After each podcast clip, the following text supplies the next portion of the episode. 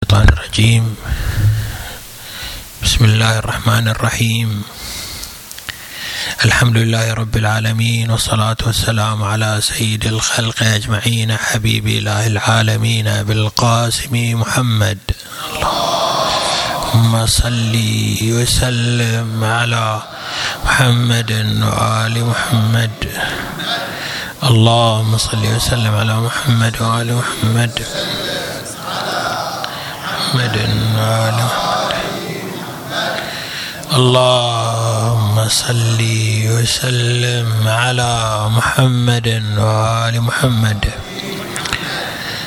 مساكم الله بالخير وتقبل الله أعمالكم جميعا. قال الله تعالى في محكم كتابه الكريم بسم الله الرحمن الرحيم. قد أفلح المؤمنون الذين هم في صلاتهم خاشعون. صدق الله العلي العظيم. سنتعرض إلى جملة من المسائل التي تعود إلى كيف يمكننا أن نؤدي الصلاة بحيث نتقرب فيها صلاة بعد صلاة إلى جوار الله ورضوان الله عز وجل. المحاضرات أو الدروس التي نحاول أن نطرحها في هذه السلسلة هي قرابة ستة دروس. الأولى بعنوان التعرف على المدرسة العرفانية باعتبار أننا سوف نحتاج إلى الاستعانة كثيرا بما حلله وذكره علماء هذه المدرسة والثانية هي خصوصية الصلاة عند مدرسة العرفاء والثالثة هي أن الصلاة فريضة سماوية تمتاز عن سائر الفرائض بأنها عينت وحددت ووقعت أول أمرها وحقيقتها في السماء. والرابعة حول الطهارة شرط للحضور والخامسة بعنوان أسرار الفتح في سورة الفاتحة والسادسة بعنوان ختام الشاكرين. في هذه الدقائق سوف نتوقف عند تعرف ولو سريع حول أهم ملامح المدرسة العرفانية. وكما ذكرت نحن سوف نحتاج إلى الاستعانة بما حققه وذكره علماء هذه المدرسة فمن المناسب جدا أن نضع لنا ولو خطوط عامة أمام خصوصيات هذه المدرسة. أول خصوصية يؤكد عليها أهل المدرسة العرفانية هي أن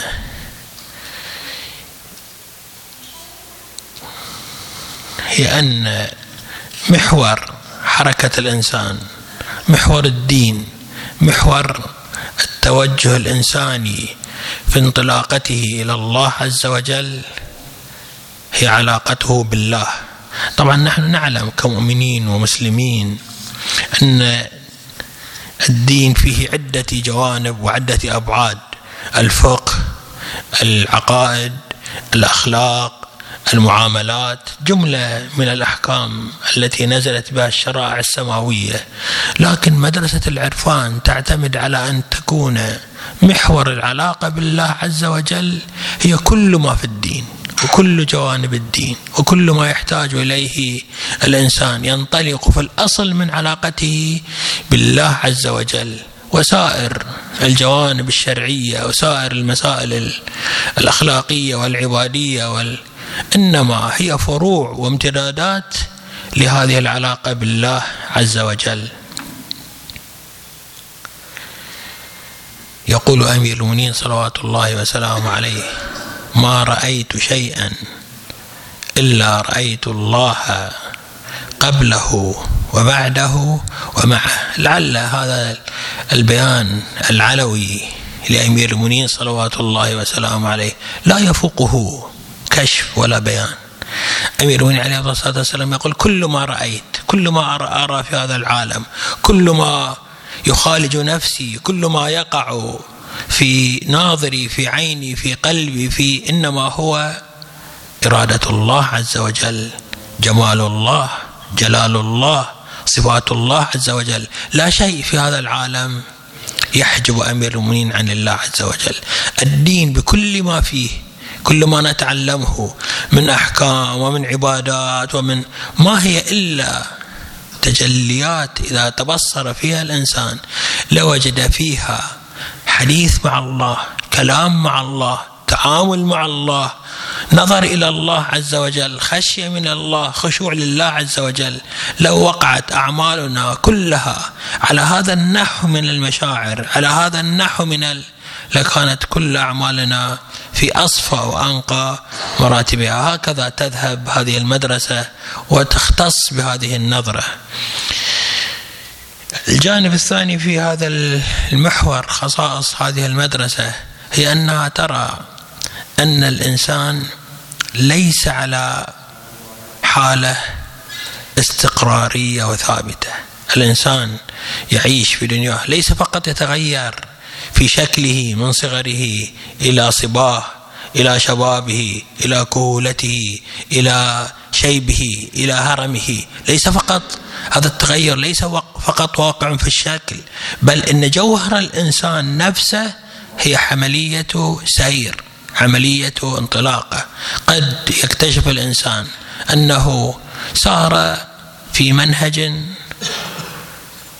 تنازلي. أو قد يكون واقف في مكانه منذ سنوات طويلة. هو ما يلتفت شوف راح كبر وتغيرت أموره صارت عنده تغيرات في أحواله وأوضاعه لكن في حقيقته هو إنسان ثابت لا يتغير لا يسير لا ينطلق. أو والعياذ بالله والعياذ بالله قد يكون الإنسان في مسيرة تنازلية مسيرة لا يصعد ولا يتحرك ولا يقوم من مكانه بل هو ينحدر.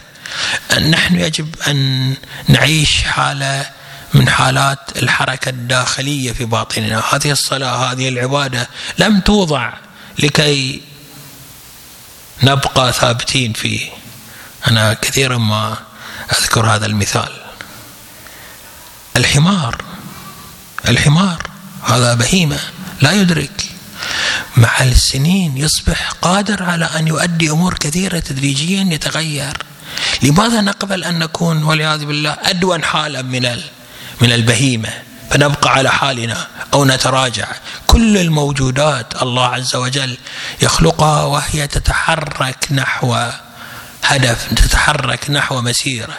لماذا أنت أيها الإنسان تبقى واقفا في مكانك أو والعياذ بالله تعيش حالة من التراجع.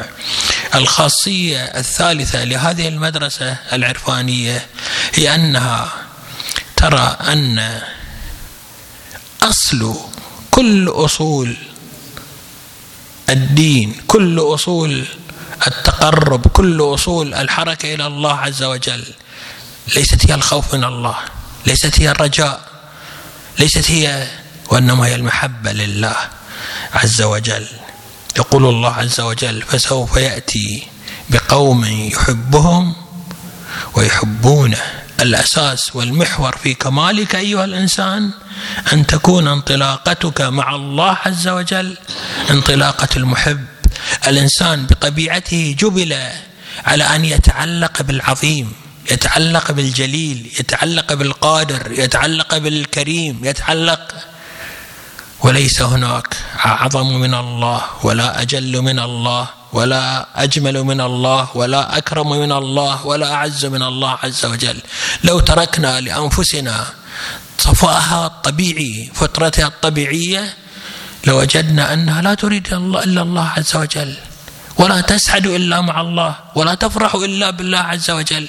كلما استطعنا أن ننفض أنفسنا عن غبار هذا ننفض عنها غبار هذا الخلل غبار هذا التشوهات. لوجدنا أننا نزداد تعلقا ومحبة بالله عز وجل. ولعلي أنقل بيتا من الشعر عن أحد أرباب هذه المدرسة العرفانية لعلها تعطينا ملمحا. لكن قبل أن ندخل في أن أقرأ هذا البيت أريد أن أشير إلى أننا لا نريد أن نقول كل ما أهل في أهل هذه المدرسة لا المدرسة الفلسفية ولا المدرسة الأخلاقية ولا المدرسة العرفانية لا نريد أن نقول كل ما عند هؤلاء هو سليم وصحيح. نحن نقول هناك جوانب إيجابية في هذه المدارس يجب أن لا نضع حواجبا للاستفادة منها. يقول هذا الشاعر وقلت فقلت لرشدي والتنسك والتقى. الرشد هو الإدراك العقلي السليم. والتنسك هو الطاعة والعبادة. والتقى هو اجتناب المحرمات. فقلت لرشدي والتنسك والتنسك والتقى تخلوا وما بيني وبين الهوى خلوا. لعل الكثير منكم يعني يتعجب من هذا البيت. لكن هذا من أجمل أبيات الشعر التي تدل على هذا التوجه الروحي. فقلت للرشد يعني تعقلي وإدراكي ومعرفتي وتنسكي عبادتي وطاعتي والتقى اجتناب المحرمات. قلت لهم أنا لا أريدكم تخلوا. وما بيني وبين الهوى خلوا يعني اتركوني مع هواي. هذه الدرجة إلى أن يصل الإنسان إلى أن يكون الهوى المحبة والشوق المرتبطة بالله عز وجل تغني الإنسان عن كل الأشياء. تصبح تحركه ليس من منطلق حب شيء ولا منطلق خوف شيء ولا من منطلق رغبة في شيء. وأوضح كلام ورد في هذا المعنى هو كلام أبي عليه الصلاة والسلام. إلهي ما عبدتك إذ عبدتك خوفا من نارك ولا طمعا في جنتك. لكن هناك شيء آخر في داخلي. هناك شيء آخر يربطني بك. قد تقول نحن لا نستغني ولا يحق لنا أن نقول نحن لا نريد العقل ولا نريد التنسك ولا نريد التقى. إيش يقول هذا الشاعر؟ يقول يا, يا أيها التنسك دعني يا أيها الرشد دعني يا أيها العقل دعني. أنا أكتفي بهذه المحبة الموجودة في باطني. هذه المحبة ليست تبعد الرشد وليست تغني الإنسان عن الرشد وليست تبتعد عن الرشد إنها بالعكس تثبت هذه الأمور ولكنها تثبت معنى أرقى مما يدركه العقل أرقى مما يحرك إليه المصلحة الجنة أو النار. لعلنا الآن بلا شك بلا ريب إنما نتحرك في طاعتنا وعبادتنا رغبة فيما نسمعه عما جاء في آيات الله عز وجل من نعيم الجنة ونخشى من النار. وهذا صحيح وهذا لا نريد أن نتخلى عنه. ولكن نقول فوق ذلك هناك شيء يجب أن لا نغفل عنه. الآن سوف أضرب لكم مثلا لعل هذه المسألة تتضح. إذا كان بينك وبين شخص لا تعرفه أصلا هذا الشخص يأتي لك بين الحين والحين بالخيرات بالنعيم بالأكل بل, بل بالجواهر بل بالأغلى ما في هذا الوجود. إذا تعلق قلبك بما يعطيك ولكن لم تطلع ولم ترقى عيناك إلى عيني هذا المعطي إلى عين هذا المحب الذي يبذل لك فإنك قد بخست نفسك حقها فإنك قد ضيعت أن هذا الذي يعطيك هو أجمل من العطية أن هذا الذي يهبك هو أرقى هو الذي شملك بحنانه وبرأفته. حينما نريد أن نتحرك الحركة الصحيحة السليمة يجب أن لا نغفل أن تقع عبادتنا قبل كل شيء متعلقة بصاحب العطية وهو الله عز وجل. الجانب الآخر الذي أريد أن أتوقف عنده. أحيانا نختلق لأنفسنا بعض العوائق التي تقع بيننا وبين الاستفادة من هذه المدرسة. بعض هذه العوائق ما نسمعه عن بعض الشطحات مثلا التي في مدرسة العرفان والعرفانيين وال وهذا من حقنا أن نقف عند ما لا نفهمه ما لا ندركه ما لا نقبله. ولكن ليس من حقنا أن نلفظ مدرسة بكاملها لأن فيها شيء ما لا يعجبنا. لا المدرسة العرفانية لا المدرسة الفلسفية لا المدرسة كلها مدارس تفيض على الإنسان علما ومعرفة وإيمانا. لا يجب أن نضع حجبا أمام الاستفادة منها. أيها الأخوة يجب أن نكون أشخاصا نستثمر الخيرات أينما وجدناها ونستفيد من العطاء الجميل أينما تحصلنا عليه. المؤمن أولى بالحكمة من الإنسان الضال الإنسان غير المؤمن قد يكون عنده كثير من الحق. أنت خذ هذا الحق خذ هذه الحكمة حتى من الشخص الذي قد لا يكون في كامل أخلاقه وتمامه. المحور الثالث هو من هم العرفاء الذين نقول نحن نريد أن نقف عند مدرسة العرفاء ونستفيد من. قد يخطر في بالنا أسماء كثيرة ونحن لا ندعي أن أحدا ما في هذا العالم غير صحيح أو أن هذا العالم دعاه غير صحيح لكن نقول أن عرفاء الحق الذين نمتلك البرهان على كمال معرفتهم هم محمد وعلي وآله صلوات الله وسلامه عليهم أجمعين. اللهم صل على محمد وآل محمد.